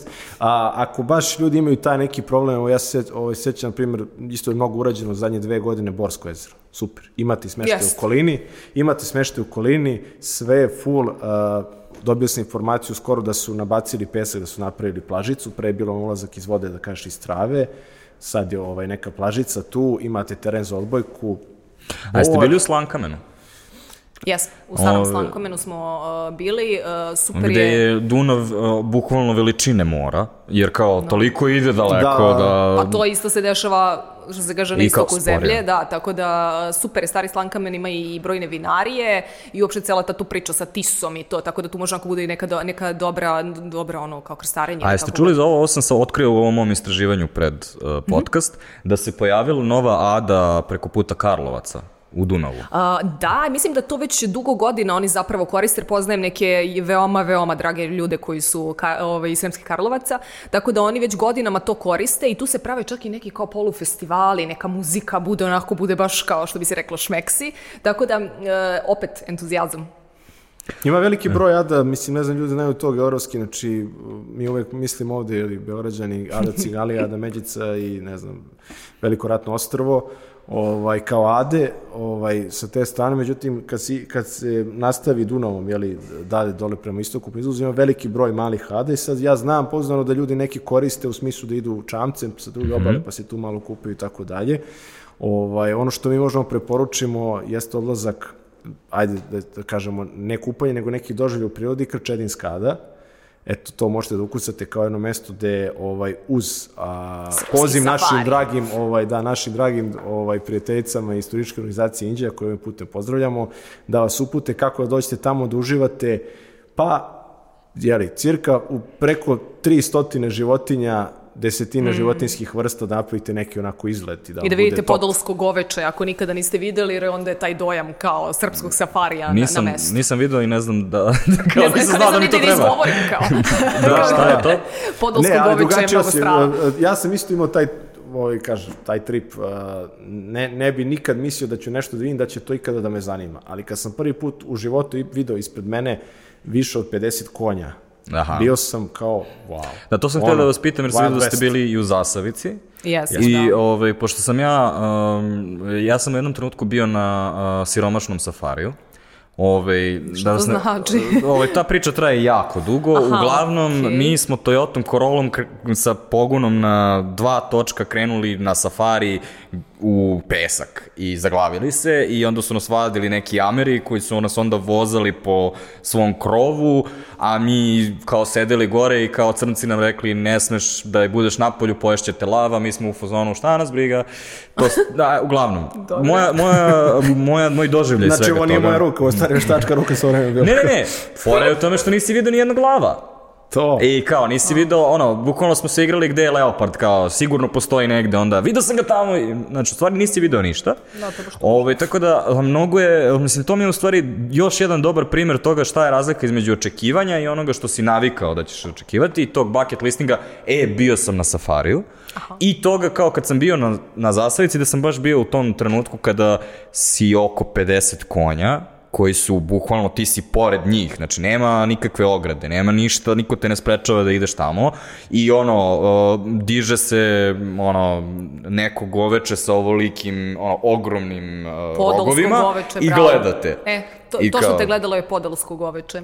E, uglavnom, ovaj, u tom trenutku uh, se, sam se osetio mnogo više u skladu sa prirodom nego nikada. U skladu sa sa- safarijem sam, da. E, no, to, to su stvar, stvarno jedinstvena e, iskustva. Mi kada smo bili na Kračedinskoj adi, što kaže Maki, pozdravljamo naše e, ovaj, drage drugarice Maju i Slađu iz turističke organizacije Indija. Uh, Kračedinska ada, koliko sam ja videla, nije sad... mm, komplikovane Nema koncept zasavice isto. komplikovana je priča u smislu da može da se ode, ali tu ima jako, vidim da i neke turističke organizacije uh, to već, uh, odnosno agencije, uh, i organizuju ture tamo, tako da nekako može da se ode sad, ali bilo je nekih problema. Sve u svemu, uh, jedan stvarno turistički piser koji da postoji nekakva, ne znam, ili regulativa ili volja, ali opet taj entuzijazam, vraćamo se, ne znam, moglo bi da se reši, ali stvarno to što kaže Marijan, to kad vidite, tu nije bilo 50, tamo je doslovno, što se, možda si rekao ti 300. Dakle, 300 300 svih konja koja, ali ne životinja da i postoji konja i nešto svega kao da. potpuno neverovatno.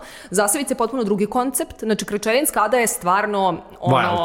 wild, Wild- da, wild jedna Serbia. divljina. Amazing. Zasavica je jedna, jedna super ušminkana porodična priča i to je genijalno, ali s druge strane kažem postoji nešto što je upravo ovako onako baš kao ro, tako da u tom smislu ima tih mnogo lepih stvari u Srbiji koje te zapravo na, kao naučete, oni kao divlji konji na stolovima, znaš, kao ti dođeš, oni su tu, njih zimi hrane, ono dolazi helikopter da im donosi hranu, jer se oni ne pomeraju, i mnogo je lepo, zato kažem, taj neki avanturizam kako, kako me mi težimo i uporno nas vuče ka inostranstvu, možemo ovde da doživimo. U jednom trenutku si pomenuo um, ovaj Game of Thrones, uh, pa sad, ko, ko je bio u Dubrovniku video je ko, koliko je Game of Thrones upropastio Dubrovnik, ali recimo ovaj, za Lord of the Rings u to trenutku je bio za uh, Novi Zeland, kao to je postao cela u stvari subžanr Tako je. turizma. Ovaj, tako da ću ja sad da vas pitam za onako Lord of the Rings turizam u Srbiji. Um, I prva stvar koju, pošto vi ste između ostalog radili neke majice, svako od vas pet Jesam. uh, je napravio jednu majicu koja je kao njegov highlight u stvari mm -hmm. Srbije, jel sam dobro to razumeo? Odlično si razumeo. Da, da. A, I neko je napravio Maglić, jel da? Jeste, Jeste. jeste, na- Bojan je pravio. Ove, uh, ja kad sam prolazio, ja nisam bio u o, gradu, ali sam prolazio i samo onako, kao prolaziš magistralom i jednom pam, onako, na planini, o, ono, ogromna tvrđava. Opet sam Bukvalno sam bio šta je ovo? Kako ovo? Ne, gledaš u I onda su me postavili treba da vozim. Pa, Da, da, da. Kao sam onda, ali kao, šta, ono, šta se vidi tamo, šta, kako se dođe do tamo? Pa dobro, bliže, to je put e, Kraljevo, e, Kraljevo ovaj, dole spuštanje ka, ka Ušću i Studenici.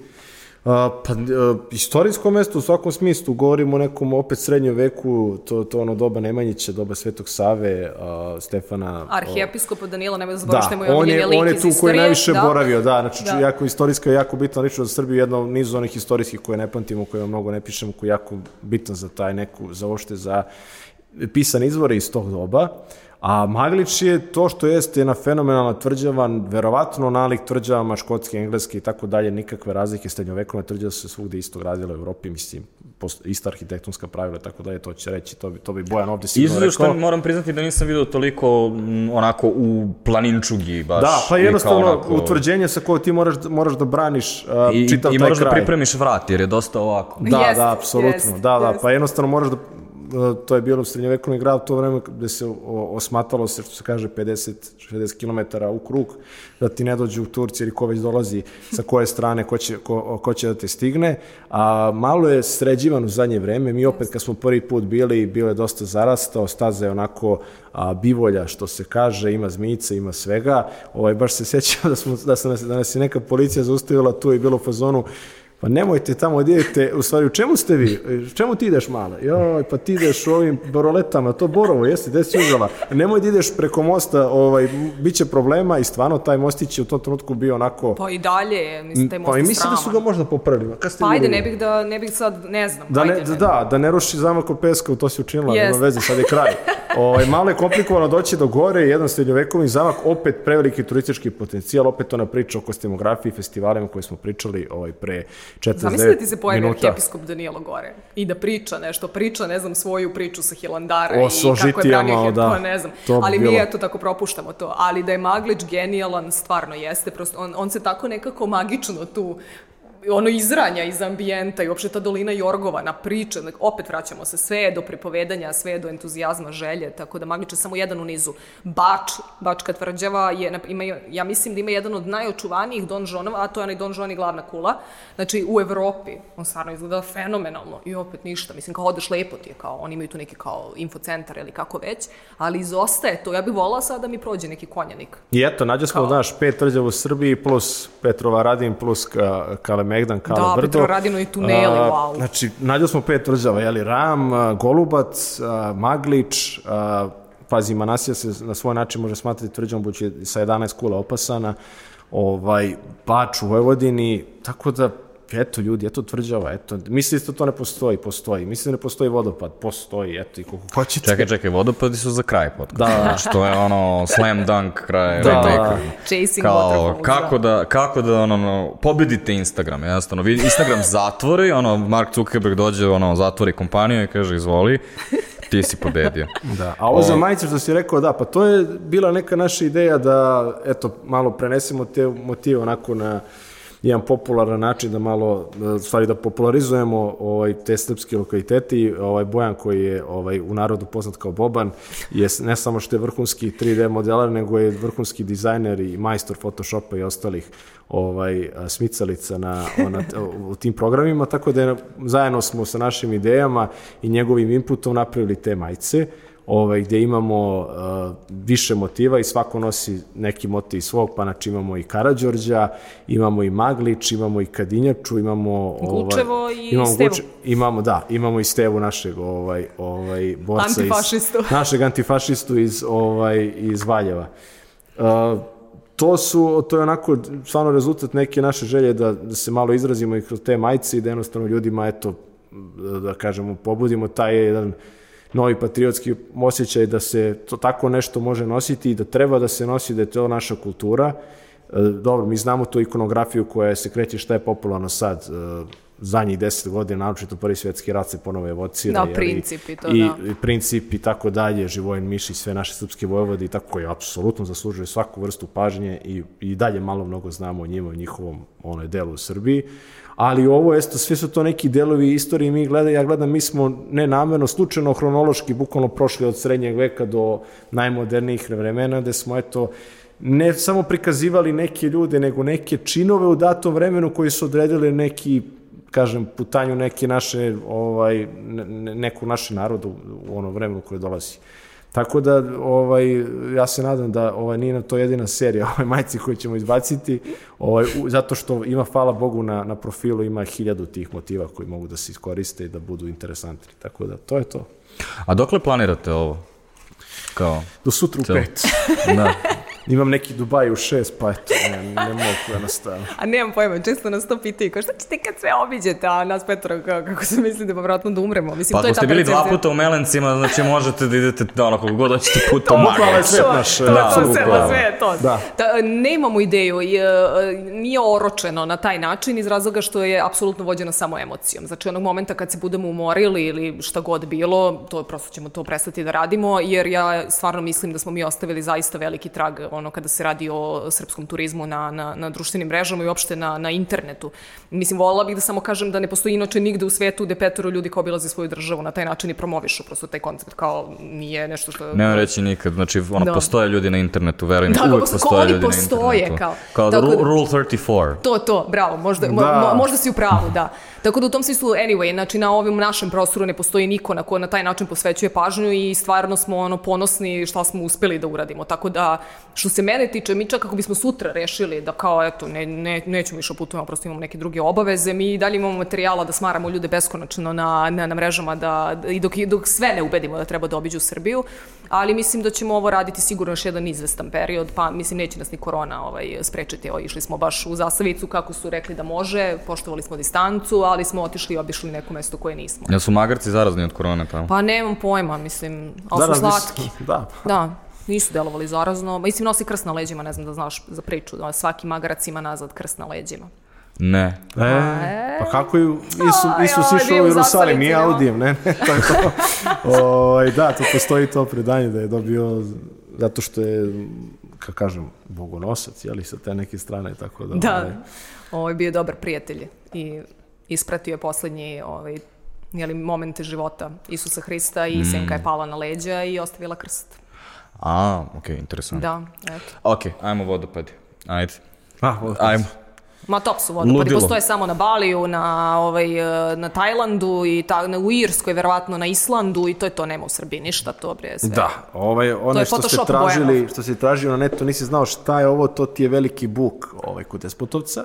Inače, jedna popularizovana tura, to mi se jako sviđa u zadnje vreme, Mm. ovaj, taj, taj motiv. Samo moram, kažem, da se izdvojim a, 20 sekundi, samo da ukažem na upravo to područje, sve tu povezano, va, važnost a, srpske srednjevekovne umjetnosti i slikarstva. A moja preporuka je da sa stručnim licem Aka Vodičem a, prođete kroz srpske manastire tog, tog dela. Znači, govorimo o Manasiji, govorimo Ravanici. o Ljubostinju, o Ravanici, govorimo poslije o Studenici i o Žiči. A probajte samo sa istorijskog, kulturološkog aspekta da ih posmatrate, da čujete malo priču o njima i da, eto, posmatrate slikarstvo, jer znam da je cilj svima da odu u Vatikan, da vide vatikanske zidove i vatikanski, ok, ali kad poslušate ovo i kad budete malo uh, pogledali te zidove, naše zidove koje jeli, mi nudimo, naše crkve, vidjet ćete jednu potpuno drugu i ne, nesvakidošnju lepotu. A što se tiče vodopada, još ovaj nama ostaje uvek u divnom sećanju ovaj Beli izvorac. To vam je opet ta ovaj o, po, a, kako kažem o, neko podunavlje, ovaj gde smo išli 2 km kroz šumu, jedna fina lagana staza, stigli do izvorca, super je bilo, ovaj krenula takva kiša da sam ja bukvalno završio majdopeku kupio kod Kineza za 360 dinara čitavu preslaku i bio fazon, to je to. Da, pokisli smo užasno Fela. kad smo išli ka Belom Uzo fela, izvorcu, tako da ima, sa šal na stranu, ima mnogo, mnogo vodopada, priroda je, kažem, ovaj, darivala nam je brojne, brojne takve lepote, od Blederije, znači na istoku Srbije, evo Beli izvorac, Veliki Buk je poznat, Skakavac u zapadnoj Srbiji, jedan od naših ono highlighta koji baš volimo je um, su slapovi Sopotnice, znači to je buko, to se doslovno vidi iz takve daljine da ste fascinirani, prosto ostanete bez teksta koliko su impozantni i to je to ono što ljudi traže. Ako tražite kao taj tropical moment, onda slapovi Sopotnice. Jedan od omiljenih meni lično ovaj, zbog njegovog karaktera je uh, vodopad Prskalo. On uh, ne presušuje nikada. Kako je Prskalo, Prskalo. se zove.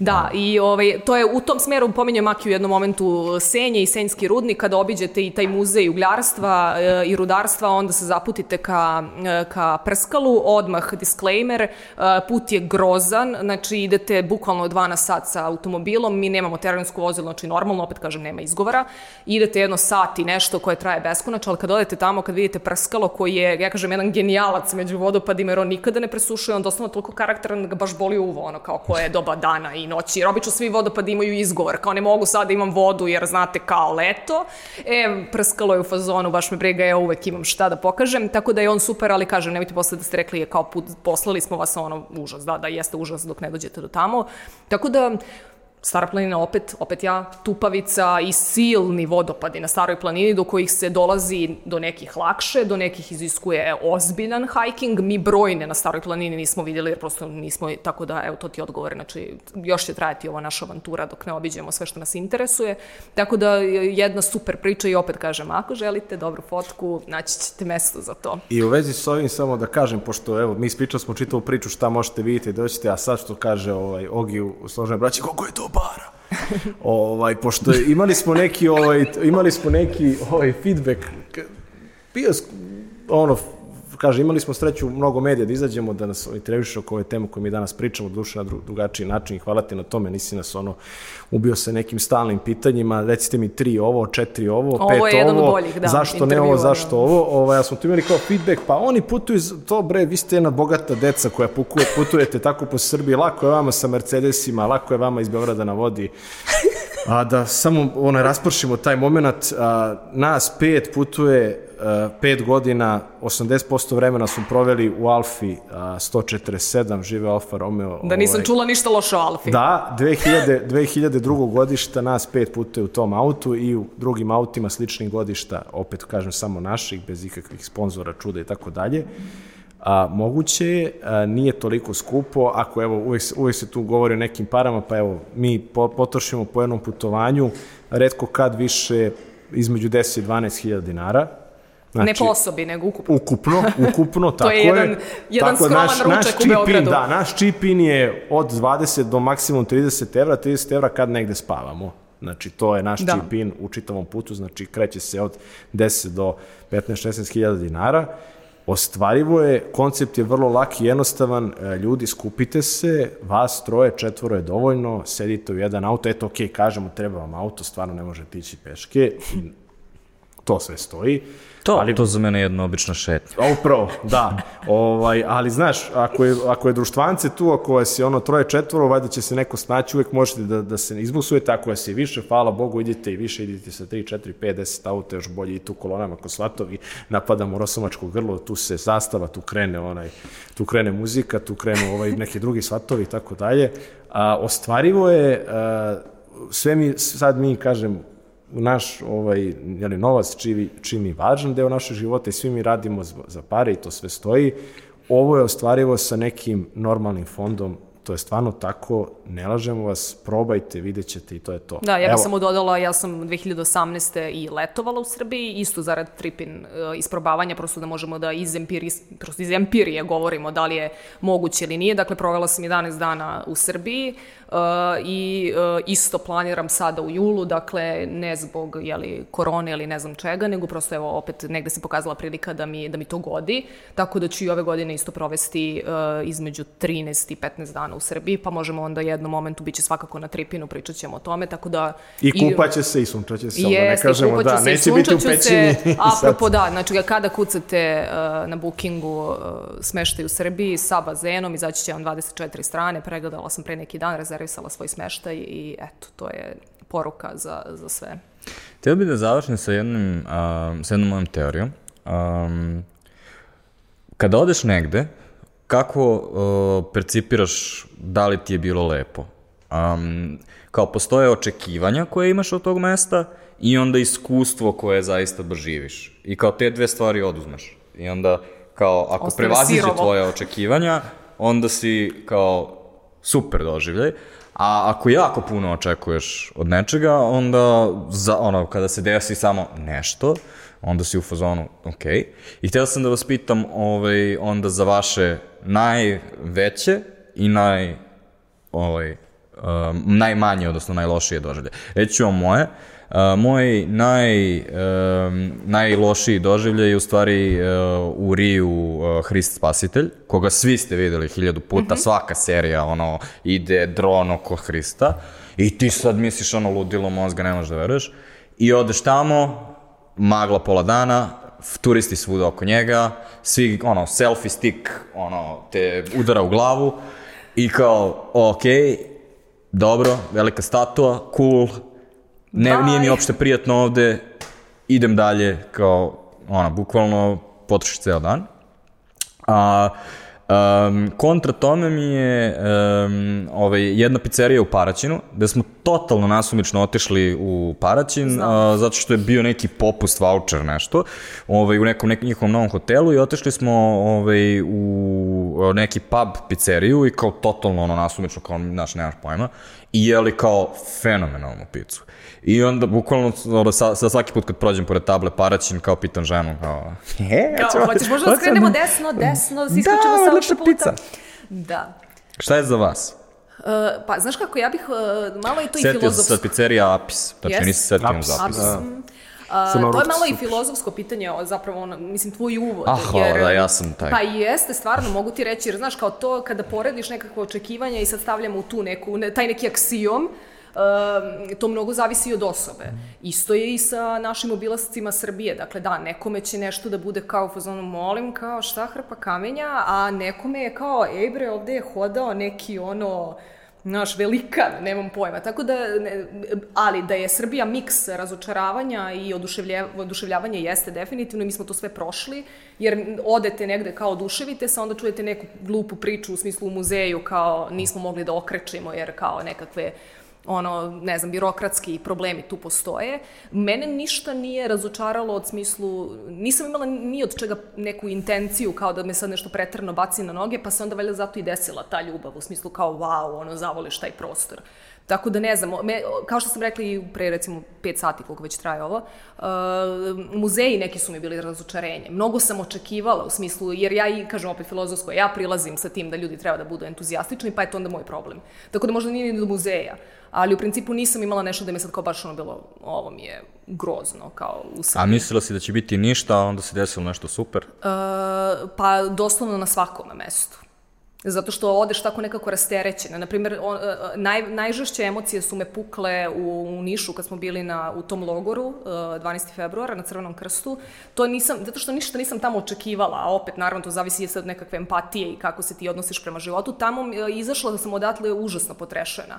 Otišla sam opet kao tu su meni dragi ljudi, to su neki ljudi s kojima sad družim ono, ceo svoj život i kao okay, uvek si nekako nonšalantan, super ti je. Ja sam iz Niša otišla emotivno polomljena u tom smislu, zato što nisam znala ništa ništa u vezi sa tim, iako sam politikolog, uh, a onda s druge strane onda se malo probudi onaj bes kao čekaj bre, ja stalno nešto pričamo, ljudi idu u Auschwitz i nešto se kao jako loše osjećaju i treba, to je civilizacijski užas, ali hoću da kažem, evo mi ne znamo šta se u našem prostoru desilo, a i užasno je potresno, tako da, eto, to bi bilo. Da, generalno ti muzeji su ovaj, kao, previše potresni ovaj, inače, ali kao emotivno ti uvek reaguješ više na stvari koje su bliže kući. Pa, kao ako da. se desi ono, saobraćajna nesreća, ne daj Bože, kao mm -hmm. tebe to mnogo više potresa ako je u tvojoj ulici nego ako je na drugom kraju Pa grada. negde i mi je to i fair, ljudski mi je fair, Da. kao ne, ne, ne, bih, ne bih sad volila da moram nekome da se pravdam zašto me je kao toliko ganuo Niš, jer onda okej, onda se možda na ljudskom nivou ne razumemo. Dakle, hoću da kažem, ne umanjuje se ništa sa strane, nego hoću da kažem, upravo te to nekako te drmne, znaš,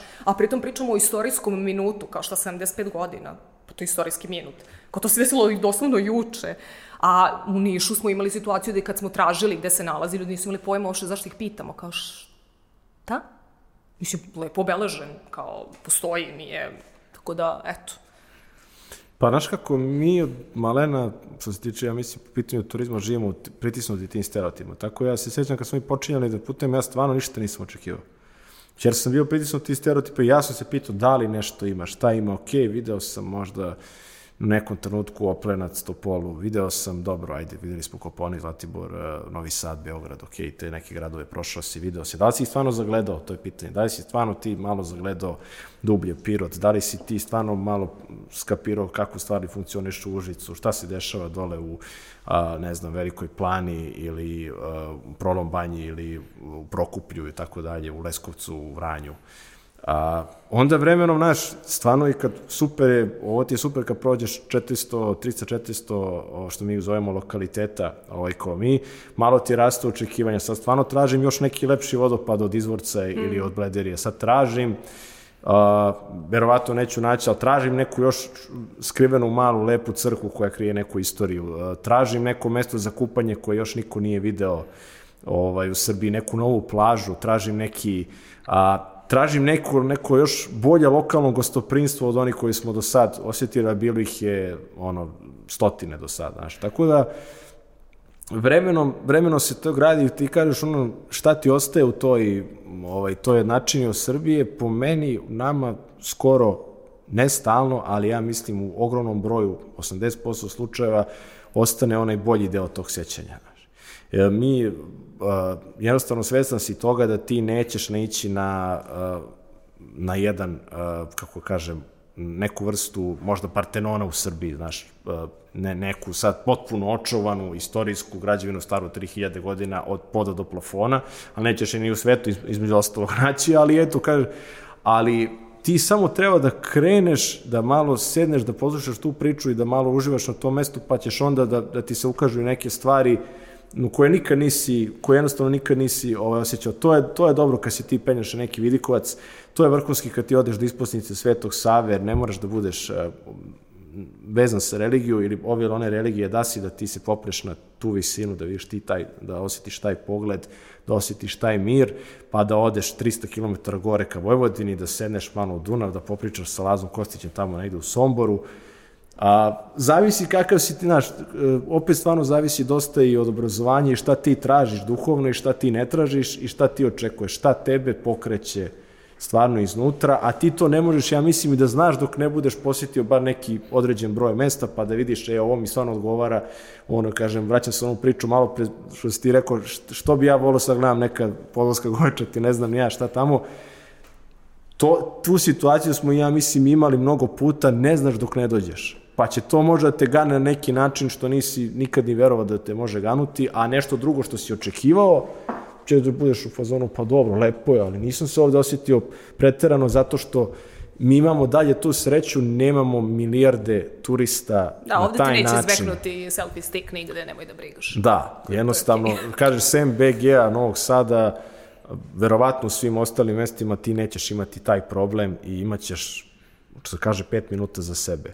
U stvari, ja mislim da je najposjećenije mesto, ali evo, to je toliko... Znam što ćeš da kažeš. Ovaj, ovaj vidikovac na Tari, ovaj, vanjska stena. vanjska stena, ali to, ali ja mislim da sam ja čuo o Tari 30.000 puta zadnjih 10 godina. Tako da. da me ne čudi taj broj ljudi tamo, jer ljudi tara, tamo tara, tara. Tamo čekaš na red da staneš. Čekaš na red. Eto, to je jedno mesto što kažeš, vjerojatno osjetio se kao što si ti osjetio kad si bio ovaj, ovaj, tada u Brazilu. Uh, A, to je bilo da mesto, su stvarno bili, ne možemo da opalimo fotku, ono za nas, ovo je prvo mesto, neki vidikovac, neki kao divlja priroda, a opet jako dostupan, tipa kolima do 200 metara ispred njega dođeš, gde si ti kao u fazonu, brate, ono, ljudi čekaju u redu, je moguće, znaš. E, Ali to, to je super, ako je to impuls. Ja se radujem tom da. impulsu. Ja bih voljela sutra kao malo se gužvamo na nekim lokalitetima, zato što je turizam važan i za, mislim, razvoj kako bih rekla, i države u tom smislu. Samo neka da... bude receptivni, znaš, samo eto da, da što neka je, ostane što više, jer će taj, ti, ono, treba imati taj neki patriotski osjećaj da ljudima, kada nešto kupimo od tih ljudi, a, teglu meda, teglu slatkog, lokalne, ono, malo sira, ne znam, nija bilo čega, neku, neku ovaj, rukotvorinu, mi pomažemo nama samima, znači mi ulažemo u našu kulturu, u naše, u naša gazdinstva, to je super. Pazi, to ti, Znaš, zašto bi, znam da se lomi super uzeti, uzeti neke džinđuve iz, ne znam, Vijetnama i tako dalje i super ti to ostane kao, ali i ovo, i ovo ti je isto nešto što super možeš da nosiš i da, da bude deo nekog tvojeg života, znajući da si opet pomogao svojoj zemlji i da si prenao tu priču nekom ko će opet tu doći i posjetiti i ovaj, što se kaže, ima mesta koje nismo posjetili, mene ovaj, interesuje ovaj, ta neka kafana gore prema Guču, obični smo ga dosta, tu nismo bili, ima neka kafana gde, ovaj, koje, odnosno mesto gde, gde se daje žuta banka, gde ljudi ovaj, prave neke ovaj, čaševi, neke stonjake od starih para i tako dalje. Tako da, eto, ne znam tačno do kraja priču, ali ima uvek nešto, znaš. Eto, tako meni pa... stvari pokreću, neke zanimljive lokalne priče, možda i stari zanati, možda i uh, ta neka ovaj, autentična lokalna priča, to je ono što mene pokreće, pored hrane, naravno. Ovi, vi ste sada u jako nezavidnom položaju u stvari. Vi ste se postavili kao neki eksperti, a izašli ste na internet. Što da. znači da sad će ljudi u komentarima, a mi inače uvek imamo igru u komentarima za, ovaj, za kraj podcasta, mm -hmm. ovaj, sad će ljudi u komentarima da vam daju savete gde, šta ste sve propustili, tako da će verovatno čuti sve o toj kafari od neka nekoga. Ispriča, možda se malo i pobrko priču ovako po nekom sećanju, to mi je ostalo interesantno, neko je spomenuo neko, neko naših uh, susreta, razgovora, da je tako nešto, eto, Super, hoće da mi objasni super. Kad nas neko pita kao kako ste saznali za neko mesto, samo ljudi.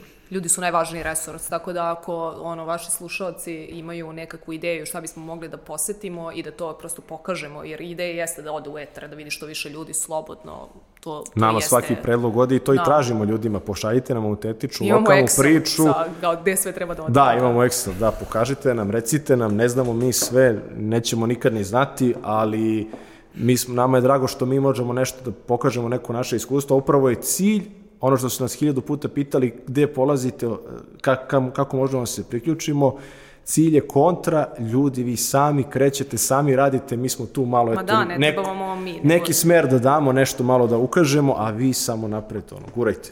Onda za kraj, zaključak svega je svaka dobra priča počinje sa Excelom. Da, apsolutno. Svaka tužna priča. Da, da, da. Svaka besana noć počinje s Excelom i kalkulacije i ne, zna, ne, da, ne znam šta.